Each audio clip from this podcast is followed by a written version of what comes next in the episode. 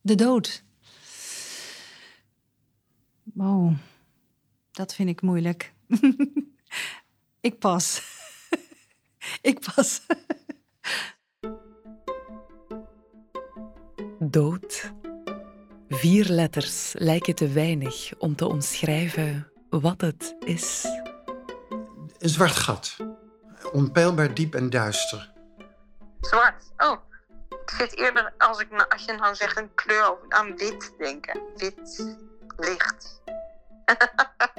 ja. De dood is voor mij een chronometer. Ja. Welke vorm of kleur die vier letters voor jou ook aannemen, één ding is zeker.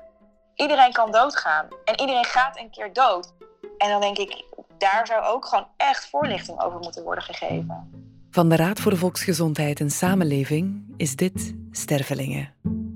Nou ja, de Raad voor Volksgezondheid en Samenleving wil eh, blijkbaar een uh, podcast maken over hoe we goed kunnen omgaan met sterven en de dood. Prima, prima, alleen het gaat niet lukken.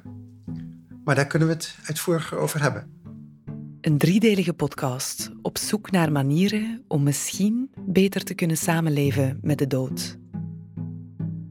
Luister Stervelingen vanaf 27 mei op je favoriete podcastkanaal of via www.raadrvs.nl/stervelingen.